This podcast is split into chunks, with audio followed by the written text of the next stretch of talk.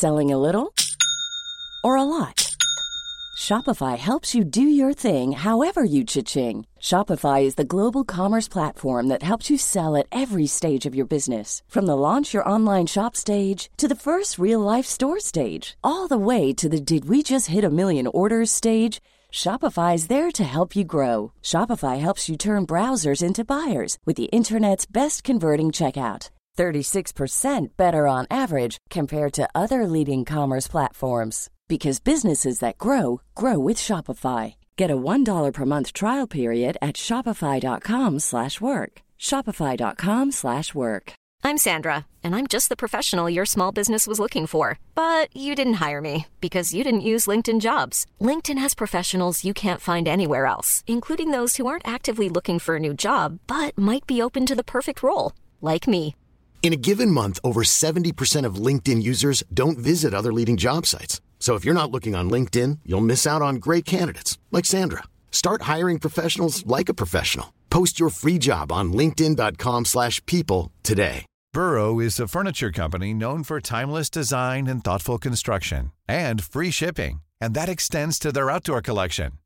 Their outdoor furniture is built to withstand the elements, featuring rust-proof stainless steel hardware, weather-ready teak, and quick-dry foam cushions.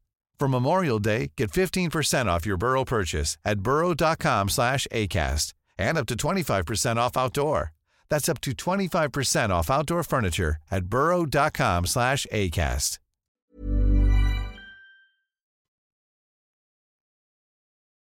Så vill hjärnan jobba. Vi lever i en tid med högt tempo där olika saker ständigt pockar på vår uppmärksamhet.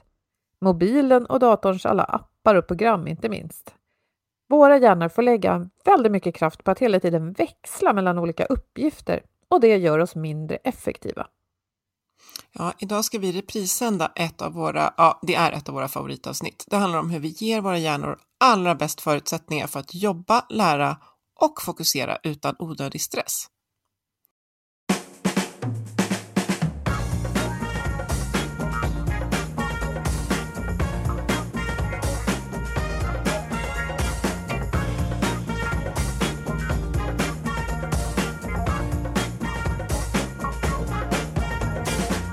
Lyssnar på Health for Wealth, en podd om hälsa på jobbet. Trots att vi får det bättre och bättre så mår många av oss bara sämre. Nej, så kan det ju inte fortsätta. Därför tar vi reda på hur företag och organisationer kan bygga långsiktig hälsa och lönsamhet. Och börjar vi på jobbet sprider det sig ofta även till resten av livet. Vi är Ann-Sofie Forsmark, jag driver företaget Oxy Group. Och Boel Stier, kommunikationskonsult. Lyssna på oss så får du nya insikter varje vecka. Och vi vänder oss till dig som är chef, ledare, jobbar med HR eller är medarbetare eller inte har något arbete för den delen. Du är varmt välkommen att lyssna på oss. Ja, just nu så är det många som jobbar hemma. Har vi möjligtvis sagt det förut? Ja, men så är det ju faktiskt. Och en av utmaningarna kan vara att få till rörelse i vardagen, ergonomin vid köksbordet till exempel.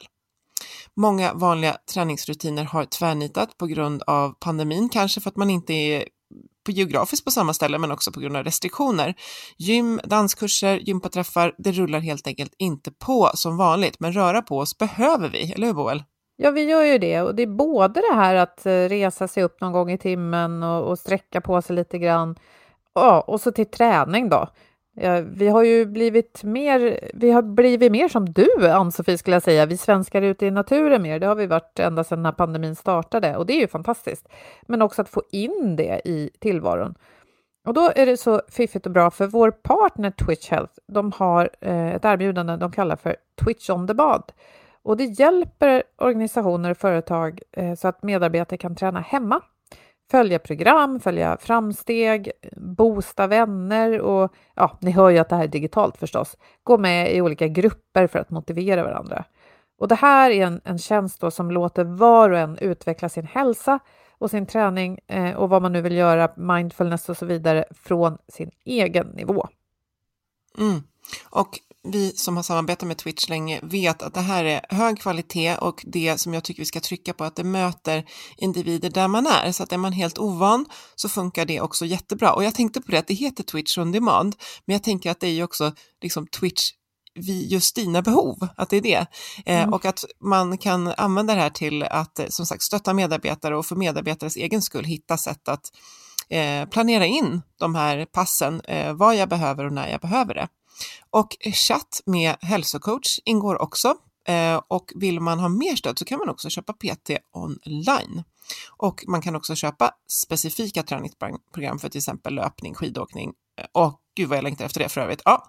Eh, men ni får helt enkelt eh, läsa mer i, på Twitchhells hemsida och det här finns också en app till som gör det ännu enklare att använda hemma. Så twitchhealth.se helt enkelt och vi lägger en länk dit från det här avsnittet. Det gör vi. Och idag ska vi alltså lyssna på ett eh, favoritavsnitt, förstås. Eh, för annars skulle vi inte skicka det i repris, men det är verkligen en favorit. Och Det handlar om hur vi sparar tankekraft till det som verkligen är viktigt i vår vardag. Vår gäst heter Anna Tibelius Bodin. Hon är pedagog och har bland annat studerat inlärningspsykologi vid Harvard och vid Lunds universitet. Jag har sett henne föreläsa ett par gånger och hon är fängslande och riktigt bra. Har du ja, sett ja. henne? Nej, jag har inte sett henne, men jag skulle gärna göra det och jag är precis på väg att klicka hem hennes bok och det borde jag gjort för länge sedan, för jag inser, det här är ett av våra första avsnitt, jag, när jag lyssnar på det igen nu så inser jag hur mycket jag tog med mig från det och som jag har haft alltså på riktigt som fantastisk nytta av och att jag nästan citerar henne vid varenda föreläsning som jag själv håller när jag pratar om hjärnan. Så att ja, nu lyssnar vi helt enkelt. Välkommen Anna! Tack så hemskt mycket! Välkommen. Tack. Ett citat jag har snappat upp från dig är Du kan bara minnas vad du tänkt. Mm. Om vi föreställer oss en normal arbetsdag för många idag så innebär det kanske möten, mejl, chattmeddelanden, digitala påminnelser, larm på mobilen för olika saker vi just ska minnas. Och så mitt i allt det här ett behov av att ha överblick, att leverera någon slags innehåll och att kanske vara kreativ och lösa problem. Men Anna, hinner vi verkligen tänka nu för tiden? Det finns två korta svar på det. Eh, ja och nej. eh, å ena sidan så tänker vi mer än vi tror.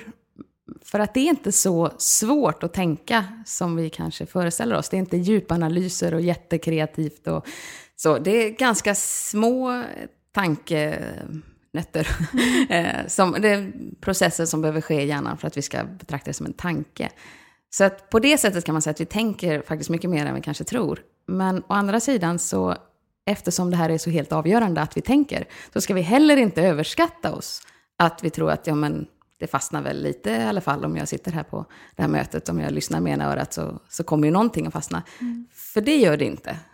För att vi ska inte tro att vi klarar av att tänka på många saker samtidigt. Och det är ofta där det fallerar. Mm. För har vi datorn på som vi sitter och skummar mejlet samtidigt som vi sitter halvt närvarande mentalt på mötet samtidigt som vi får någon notification på mobilen. Sådär, mm. så, så klarar vi inte av att tänka på många saker samtidigt. Och det är just det där splittrade tillståndet som eh, gör att vi inte får de resultaten vi skulle vilja.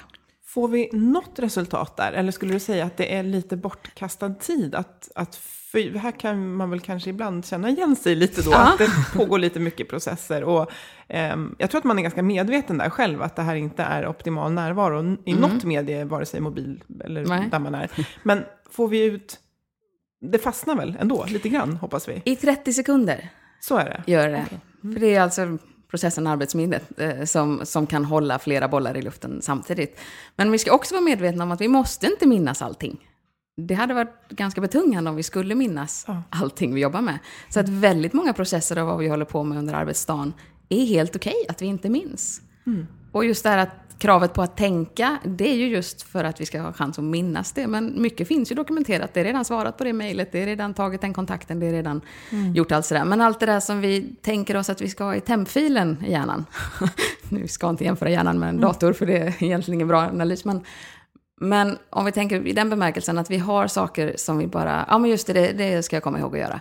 Ja men absolut, så snart jag kommer till mitt skrivbord så, så fixar jag det. Eller jag ska göra det på mobilen alldeles strax.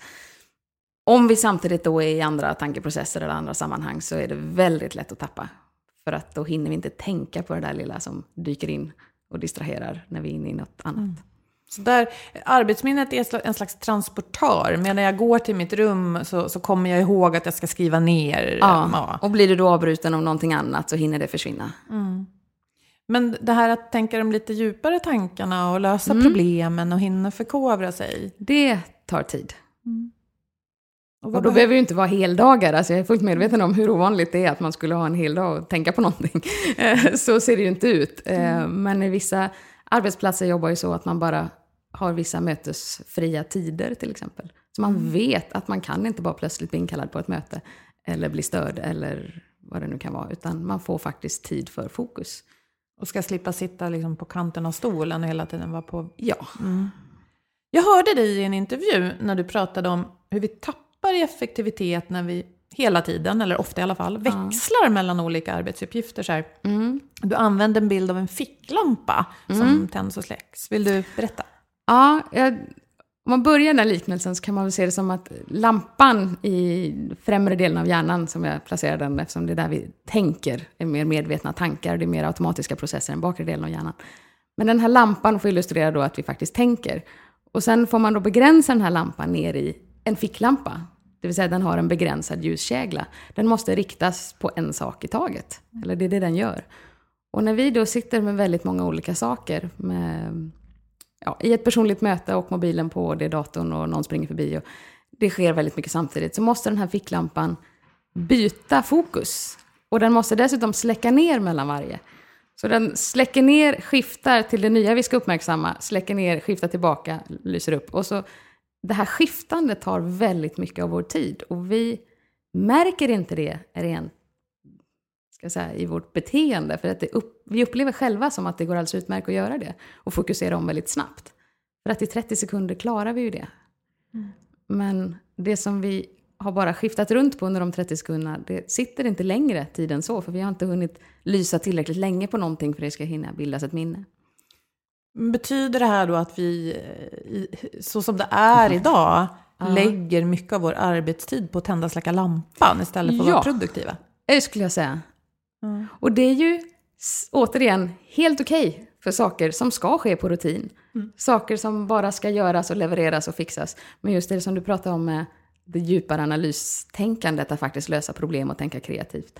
Och de bitarna som förhoppningsvis de flesta har i sina tjänster, sina tjänstemän jobbar ju så. Det tar tid som eh, går till spillo av den typen av arbetssituation. Vad kan... Nej, jag får, det blir många minuter ackumulerat, många timmar. Väldigt många timmar blir det. Vecka. Ja, det finns ju de som har en konstant arbetssituation som ser ut så. Som aldrig har lugn, sitter i kontorslandskap och eh, det är ständiga möten och telefonen ringer och det är notifications hela tiden på dator och telefon och som avbryter. Men jag tänker att vi är ju eh, social creatures. Som Mm. är, och, och vi många sitter i kontorslandskap och, och, eller arbetar i miljöer där det är mycket människor runt omkring. Och Mm. man har ändå en uppgift som går lite på tvärs med det. Ofta att man ska fokusera på en sak. Klarar hjärnan av att eh, vara asocial, eller vad man ska säga, mot, mot andra intryck. Att, kom, att liksom bara fokusera på just det här jag skriver och ska skapa på, till exempel dator. Ja, eller att- den här individen jag har en dialog med. Eller, Ja. att hålla ficklampan på en och samma sak. Ja. Så, ja.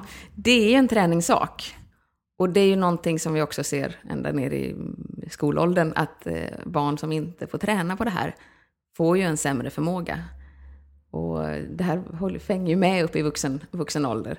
Att för väldigt många så är det en träningssak. Det finns de som föds också med den här förmågan och det kan ju uppleva problematiskt ibland också. Man kan inte nå människor för att de är i sånt fokus. Så att de bara inte hör och inte ser och inte re- reagerar. Men för de allra flesta av oss så handlar det om att vi behöver träna på att tänka bort intryck. Men är det effektivt? Jag tänker, borde vi istället reducera bruset? Ja, det borde vi ju helst göra. Nu bara verkligheten ser inte ut så för så många medarbetare på ett företag som kan bestämma det själva. Utan man sitter där i det där kontorslandskapet och det, det är ljud på hela tiden. Men att vara där, är det träning i sig? Tyvärr inte. Man säger det att det är en av de ytterst få förmågorna som hjärnan kan träna på som faktiskt träningen innebär en försämring. Så att träna på att ständigt flytta sin ficklampa, det är, blir en försämrad förmåga att klara av att göra det. Så istället ska man träna på att behålla fokus. Precis. Träna på att tänka på en sak i taget. Och det gör man genom att börja att, med att typ försöka isolera, isolera sig? Eller är det att man, man får träna på det i den miljö där man, där man är? Alltså så. Ja, man kan, ju göra säga, vad är det som är lättast? Det är ju betydligt lättare att så här, tänka bort ett ljud än att tänka bort många olika ljud som dessutom är oförväntade. Man kan inte hela tiden ha förväntningar på när ljuden ska komma om det är från väldigt många olika håll och många eh, aktörer runt omkring. Men det är ju inte alls ovanligt att människor sitter med, med musik på, till exempel i hörlurar. Och är det då musik som inte kräver att du tänker, för då är ju ficklampan på musiken och det har vi ju inte råd med så att säga. Men att det är instrumental musik eller att det är bara ja, valsång eller sånt som människor kan ha på. Alltså att det är musik eller något ljud som blir som en ljudvägg. Att du kan bara luta dig tillbaks och låta det dränka ut allting annat. Så är det en träning att skärma av dig mot omvärlden för att fokusera. Mm. Eh, Jag tänkte, är det inte lite intressant att de senaste kanske 15-20 åren, då har ju vår kunskap om hjärnan alltså fullständigt exploderat. Och eh, vi kan studera vad som händer i, i levande, levande hjärnor med, med till exempel magnetkameror. Eh, så vi borde ha fått ganska mycket hjälp i att förstå vad hjärnan behöver för att fungera bra och hur den faktiskt fungerar. Men Eh, samtidigt så är det under den här tiden som vi har sett att stressrelaterade problem och psykisk ohälsa har ökat och blivit en folksjukdom. Hur, hur hänger det här ihop? Ja, det är för att vi inte gör det vi känner till, eh, skulle jag vilja säga. Men det handlar ju om att faktiskt använda kunskapen. Att göra det som åtminstone rent globalt finns av kunskapsbank kring det här. Och så spritt är ju inte faktisk kunskap om hjärnan. Det finns väldigt mycket myter fortfarande och det är väldigt mycket humbug om detta som, som gör att man inte riktigt vet vad stämmer egentligen, eh, vad är sant och inte om hjärnan. Den är fortfarande så extremt komplex, även för de absolut mest framstående hjärnforskarna har ju ödmjukhet nog att inse att vi vet egentligen inte hur vi ens kan lyfta ett glas och dricka. Liksom. Egentligen. Hur, eh, kan du säga någon, någon, någon myt som du tycker vi måste slå hål på? Ja, men det här med att vi är höger och vänster hjärnhalva människor och att vi bara jobbar med den högra när vi är estetiska och holistiska och att vi sen bara jobbar med den vänstra när vi läser och tänker matematiskt. Det, är, det är fortfarande en sån myt som fortfarande vinner så mycket mark. Fast det vet vi, att det där är inte sant. Vi använder hela vår hjärna i stort sett vilken uppgift vi än jobbar med. Och de jobbar på lite olika sätt, våra hjärnhalvor, men vi har en hjärna. Och de, den samarbetar med sina halvor väldigt bra. Och Varför vill vi tycka om sådana myter? Är det för att vi Ja. tror att världen är svartvit och allt blir enklare om vi delar in människor i höger och Ja, vänster? jag tror den här kategoriseringen av människor är rätt skön och bekväm. Jag vill mycket oftare tala om hur lika vi är. Eh, Med tanke på att vi har en hjärna 40 000 år och den har inte förändrats så mycket, så den förändras inte ens mellan generationer, utan den, den ser ut som den gör. Men det är ju ett bra utgångsläge för det vi vill prata om här och det är ju hur vi kan använda den här kunskapen för att jobba bättre och må bättre. Så om du skulle ge tre, tre väldigt här, konkreta råd till en arbetsgivare, vad skulle du säga då? Det första skulle jag säga är ta färre beslut. För den här främre delen av hjärnan som är den aktiva, exekutiva, där vi faktiskt gör saker, där vi agerar, där vi presenterar, talar, skriver eh, och tänker medvetna tankar. Det är bristfälliga resurser. Vi har inte oändligt med resurser där. Och det är där tankeförmågan sitter och möjligheten att bara tänka på en sak i taget.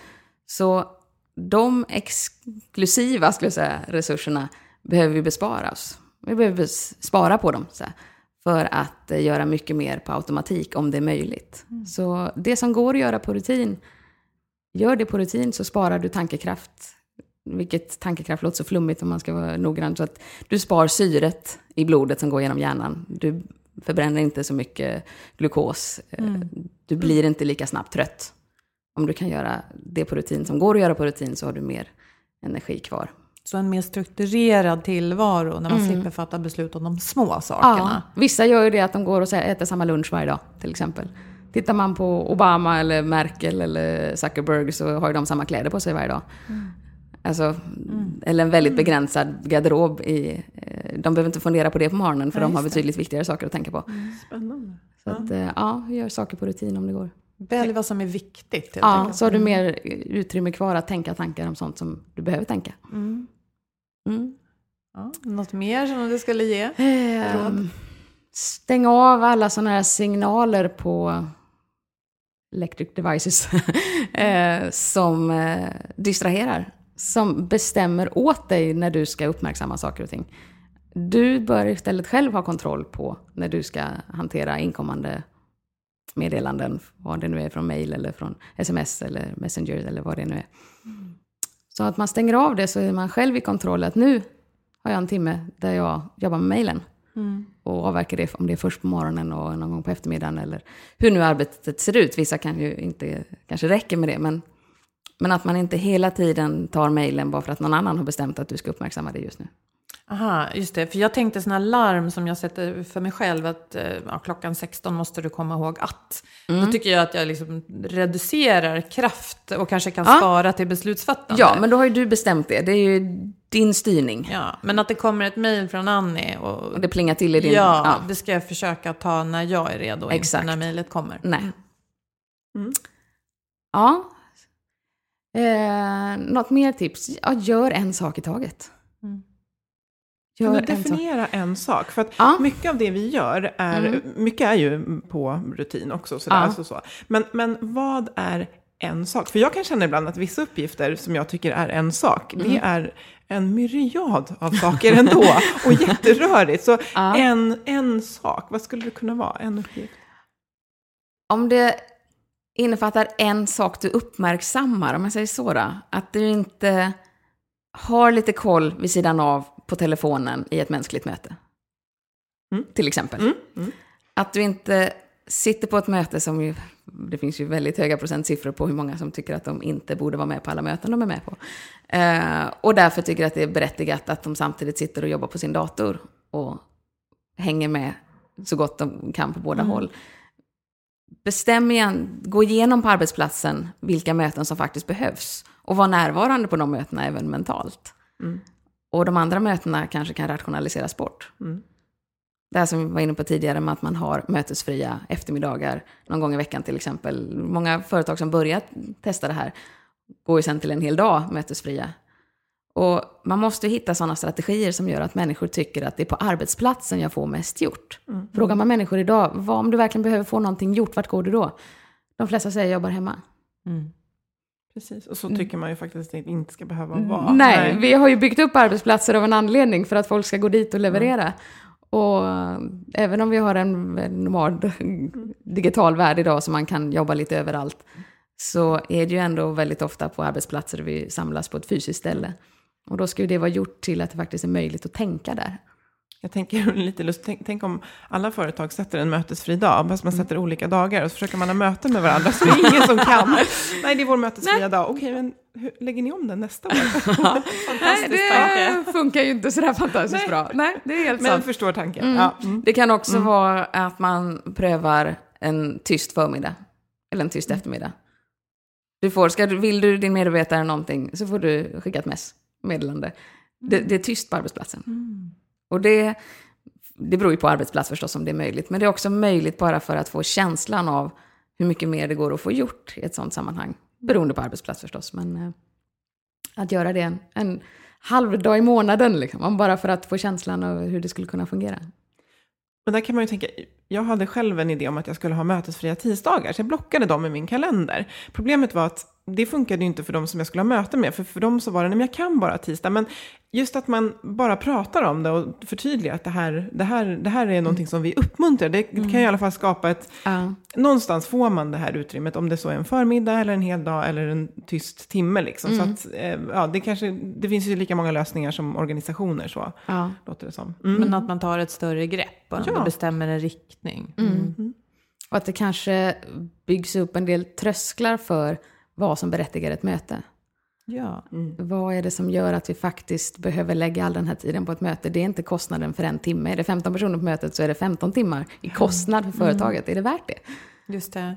Och eh, för det alltid ändå avbryter av tankeprocesser hos de som ska vara med på mötet. Att inte av rutin bjuda in en massa människor för att det kanske vore bra om de var med. Nej, för de kommer antagligen ändå inte vara med mentalt och minnas det på mötet, utan de kan ju få anteckningsbulletsen och det kan de få även om de inte var på mötet. Mm. Eller ha stående möten som många har. Att det ska vara rappt och Mm. konkret. Mm. Ja. Korta agendor och snabba deadlines på, eller snabba säga, ja, men kvartsmöten och sånt där. Som man säger, tre punkter på varje agenda. Och det är väl också att ha lite respekt, eh, respekt för sin egen tid och för andras. Ja, Mm. mm, tydliga strukturer.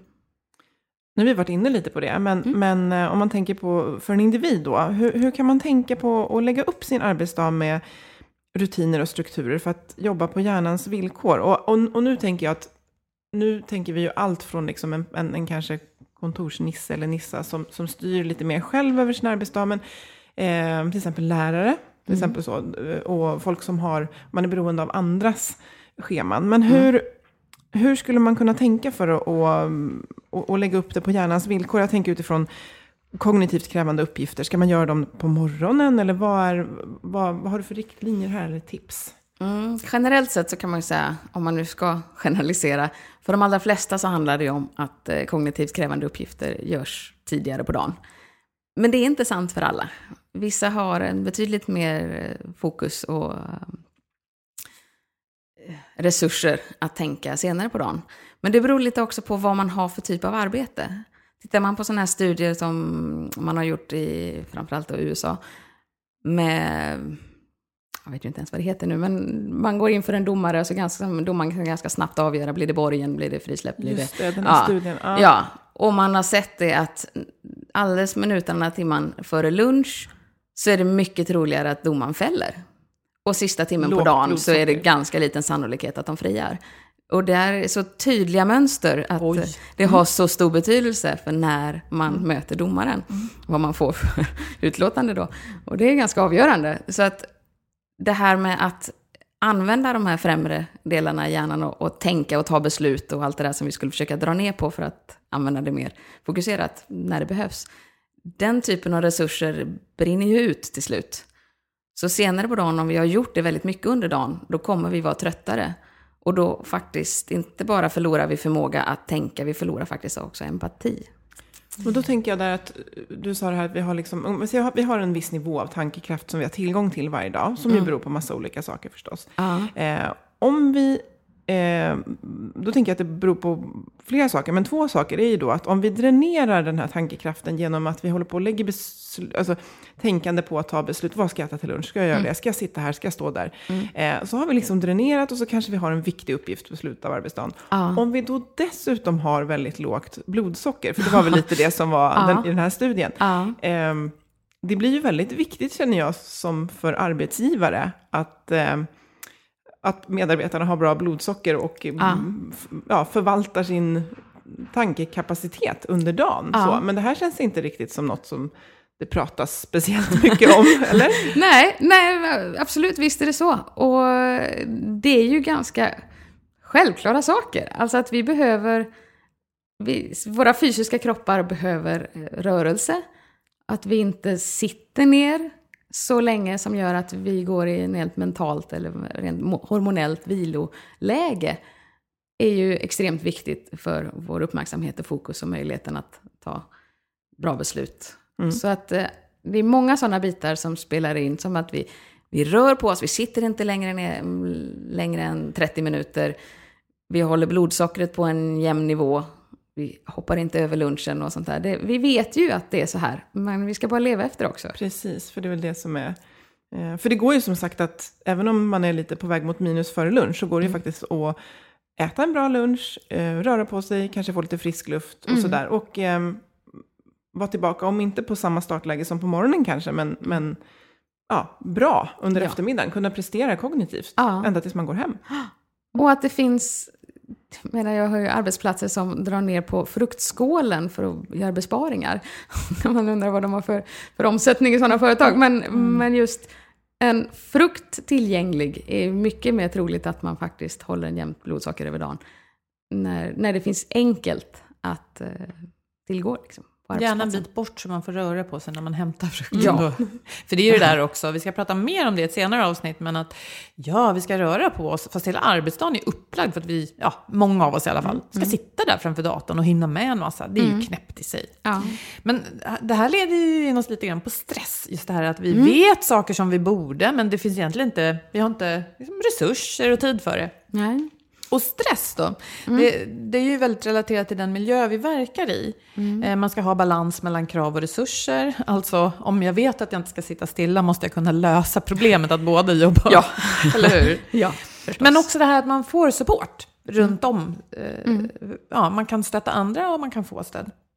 Och allt mer forskning, även kopplat till hjärnan, visar ju hur viktiga relationer är för oss.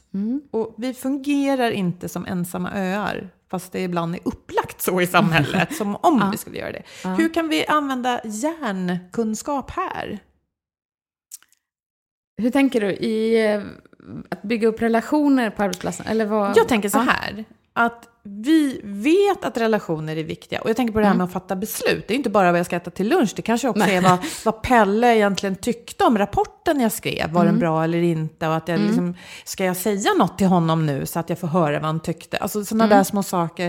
Eh, kanske också skäl hjärnkraft för att vi känner oss osäkra och inte har det stöd vi behöver på omgivningen. Och vad kan då en arbetsgivare göra för att skapa en bättre arbetsplats, en miljö där folk trivs och blommar? Det finns massor att säga om det, men jag tänker en sån sak som uppskattning. Så är det lätt att tro att uppskattning kan göras genom, eller visas genom saker. Eller ehm, belöningar i form av ja, tillställningar man får gå på, eller man får befordringar eller kurser eller sådär. Men uppskattning ges i mänskliga möten av människor. Uppskattning som, som hjärnan reagerar på ges av andra människor. Och då krävs det att man faktiskt uttryckligen säger tack, eller bra gjort, eller eh, det här var verkligen vad vi behövde, eller det här gjorde stor skillnad, eller fantastisk presentation, eller vad det nu kan ha varit. Att det faktiskt uttryckligen sägs och inte antas att det väl kändes uppmärksammades eller så, utan att man faktiskt gör det i ett mänskligt möte. Och Att man ser varandra i ögonen när tacket levereras. Ja. För det har ju visat sig betyda så oerhört mycket mera i form av eh, känsla och uppskattning. Och nu, om jag kopplar tillbaka till stress där. ehm, hur funkar hjärnan under stress? Man kan väl säga att vi går ju in i fly eller fäkta-läge när vi blir stressade. Och vi ska också bredda begreppet stress här, för att hjärnan är inte sådär väldigt mångfacetterad i den bemärkelsen att den, den upplever stress när du är orolig, nervös, rädd, har ångest, panik. Alltså alla de här känslorna är för hjärnan stress. Och alla de har bara en biologisk reaktion och det är att börja producera adrenalin. Eller det produceras inte i hjärnan, men det produceras i binjurarna, men det kommer till hjärnan och där börjar eh, begränsa vår förmåga att tänka efter ett tag. Men det här är också en viktig skillnad att göra, för det är inte så att adrenalin är inte dåligt för oss. Vi behöver adrenalin, vi skulle somna om vi inte hade adrenalin i kroppen, så det är oerhört viktigt. Men när vi upplever att, den här, att det här adrenalinpåslaget slår över, eller att det inte ger oss den effekten som, som eh, var avsedd. Alltså vi får ju adrenalin av en anledning för att fysisk styrka ska ta oss ur det som stressar oss. Liksom. Vilket ju var alldeles rimligt när vi var ute på savannen och bråkade med vilda djur. Då var det ju att fly eller fäkta som gällde. Men idag så hjälper det ju inte att slåss eller springa därifrån oftast våra stressmoment, utan vi behöver ju hantera dem på ett annat sätt. Ofta kognitivt, vi behöver tänka någonting om det för att lösa det. Och då kan ju vara så att adrenalinet bara ger oss en känsla av att vi rent fysiskt upplever mycket större stress än när vi bara tänkte tanken. Och då när kroppen börjar också signalera att vi är stressade, då får- hjärnan vatten på sin kvarn att nu, nu är det tydligen riktigt illa, för nu börjar kroppen, nu blir det svettigt om fingertopparna och allt sånt där.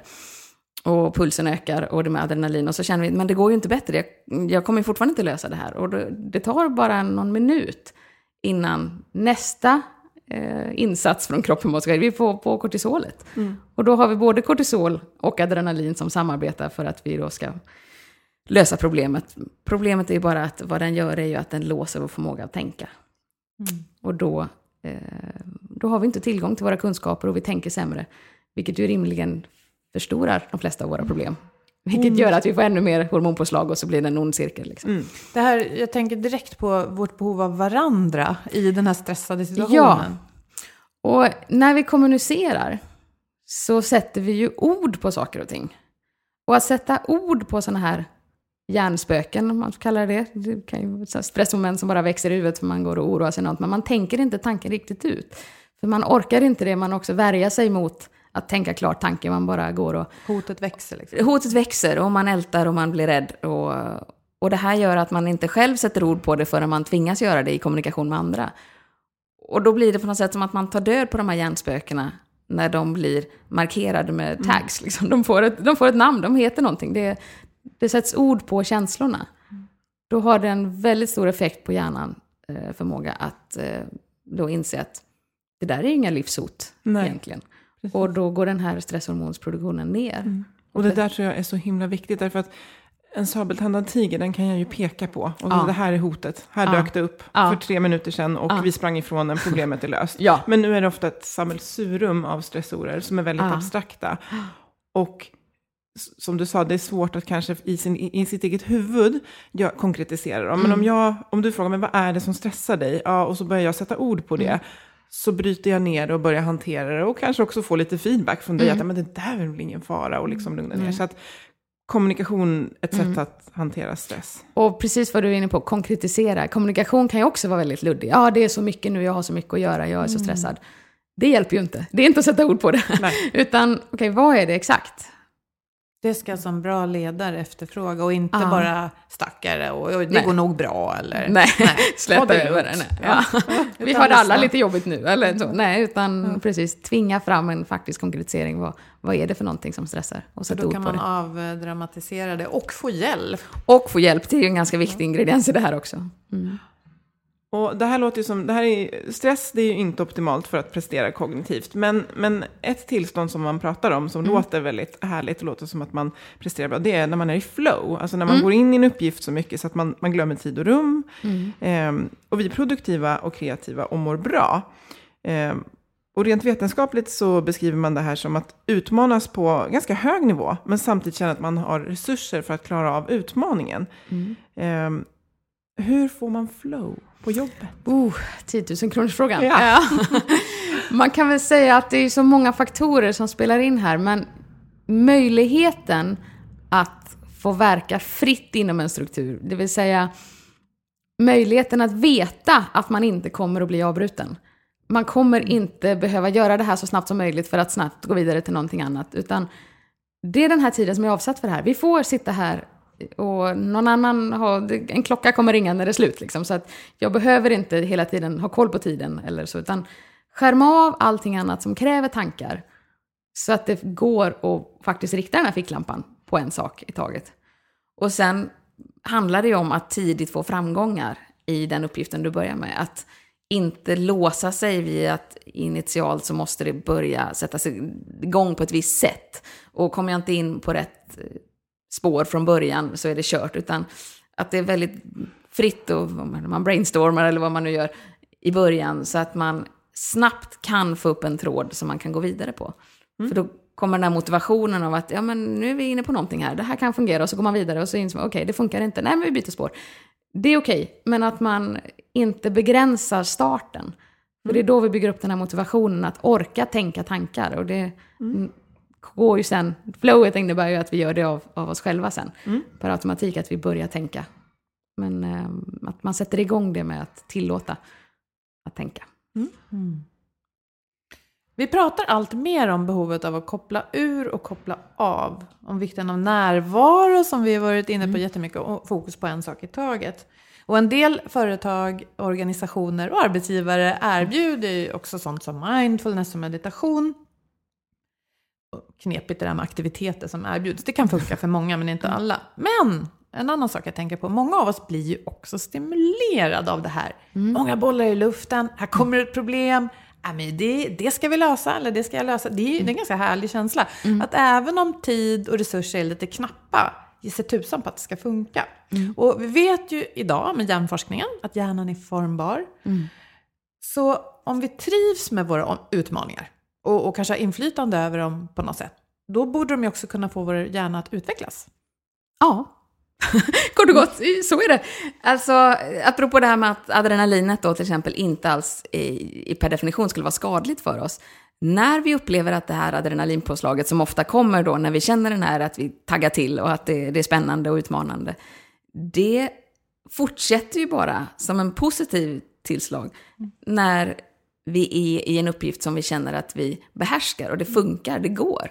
Det begränsande kortisolet och den produktion som, som um, kommer till under negativ stress, det kommer ju bara när vi upplever, okej okay, det är inte tillräckligt med adrenalin, det här kommer fortfarande inte fungera, det, det kommer snart att vara kört. Mm.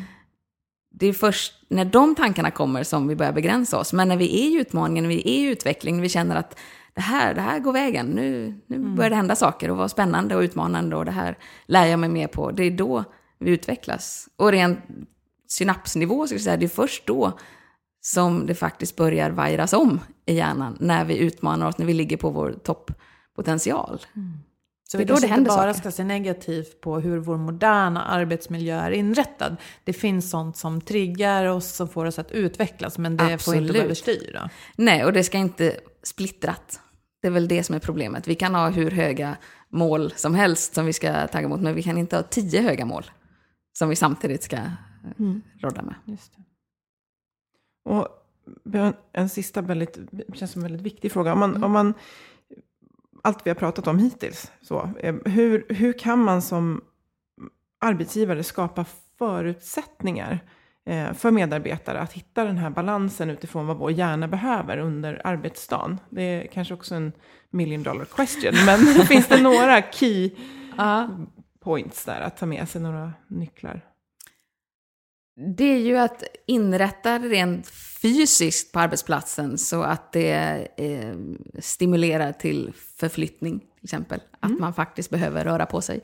Man behöver möta varandra.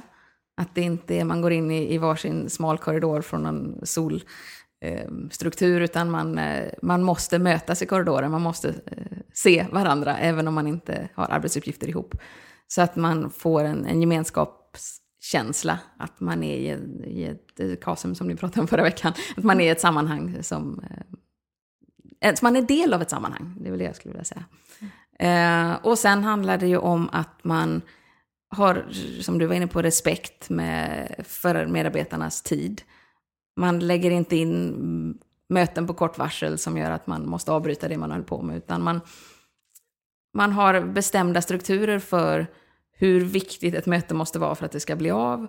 Och ehm, ja, det finns så mycket att göra. Man, eh, till exempel de här tysta tillfällena som vi sa, mötesfria tider. Det finns tillgång till eh, frukt och kaffe och vatten. Framförallt, vi behöver dricka mycket mer vatten än vad vi gör eh, för att orka. Så att sånt som kroppen behöver ska finnas mm. tillgängligt och enkelt. För det måste vara så låga trösklar för att ta en frukt vid mellanmålet. Mm. uh, och det blir en väldigt låg tröskel till att äta godis istället om det skålar med godis framme. Mm. Mm. Så att göra det enkelt så att vi inte behöver ta beslut för att göra saker. Utan att det bara går på rutiner. Och då måste det vara en sån miljö runt omkring oss.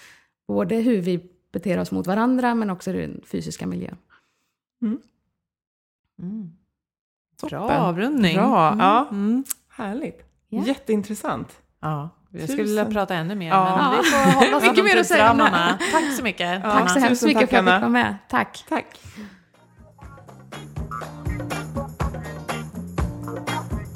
Vet du, Ann-Sofie, jag tror att det faktiskt var när vi spelade in det här avsnittet som jag på allvar fattade att multitasking verkligen inte fungerar.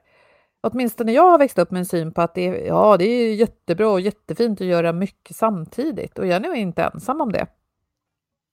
Nej, och det Anna illustrerar så väl, det är just det här att du känner ju oftast inte i stunden hur mycket batteri i din hjärna det drar. Du känner inte hur ineffektiv du är, utan det märker man kanske mest över tid. Och hon, exemplet hon, hon drar med ficklampan gör det så himla tydligt. Och, eh, vi behöver ju låga trösklar i tillvaron, du och jag som vurmar för beteendevetenskap och, och nudging.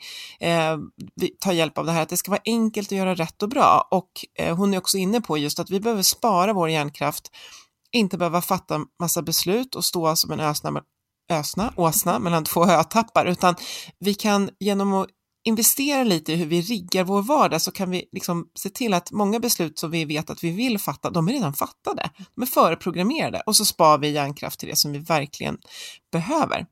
Och det här är bra, både om vi vill slippa stressa och vara lite mer effektiva. Ja, och det mesta i det här avsnittet är verkligen tidlöst. Men när vi pratar om Obama och Merkel, nu sitter ju visserligen Merkel kvar när vi spelar in det här, men det blir tydligt att det har gått några år, för det har både gått och kommit presidenter i USA. Men jag, jag tog intryck av det här med att ha liksom någon slags färdig garderob, så jag, jag har nog hittat en sån här standardlösning som inte är alltför tråkig och som jag gillar. Det är också min inspiration från det här avsnittet, herregud. Jag vill också gärna tipsa om Anna Tibelius Bodins bok och den heter Vad varje pedagog bör veta om hjärnan, inlärning och motivation. Och den passar alla som jobbar med människor. Mm. Och det här ämnet är intressant och jag tror och vi tror att ni vill läsa vidare och det kan ni gärna göra på, hos vår samarbetspartner motivation.se. Massa också tidlösa artiklar om ledarskap, motivation och väldigt mycket om hur hjärnan funkar. Idag så tipsar vi om en artikel om att för att vara produktiva, då behöver vi sömn, regelbundna pauser och förmågan att säga nej. Och den heter faktiskt Minska stressen och bli mer produktiv och vi länkar till den från vår hemsida. Nej, det gör vi inte. Nu, nej. nu skojar jag bara, jag ska bara träna på att säga nej. Från det här avsnittets eh, inläggssida brukar vi säga, så jag tänkte det var det du skulle korrigera. nej, men nu, nej, men jag ska säga ja. Och jag säger ja till att vi tackar våra samarbetspartners motivation.se, Twitch Health och Agda Media. Eh, följ oss gärna på LinkedIn. Kommentera våra inlägg där. Där får du säga både ja och nej och lite vad du vill. Och så hörs vi om en vecka igen. Sköt om er. Hej, hej. hej då.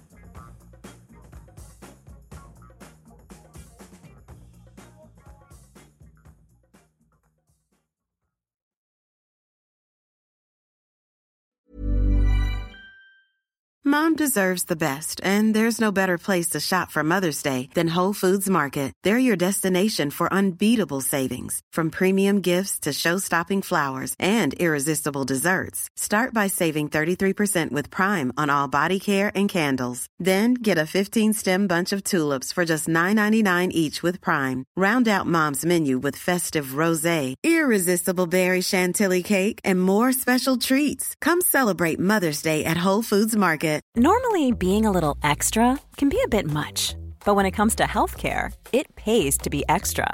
And United Healthcare makes it easy with Health Protector Guard fixed indemnity insurance plans. Underwritten by Golden Rule Insurance Company, they supplement your primary plan, helping you manage out of pocket costs without the usual requirements and restrictions like deductibles and enrollment periods. So when it comes to covering your medical bills, you can feel good about being a little extra. Visit uh1.com to find the Health Protector Guard plan for you. Even when we're on a budget, we still deserve nice things.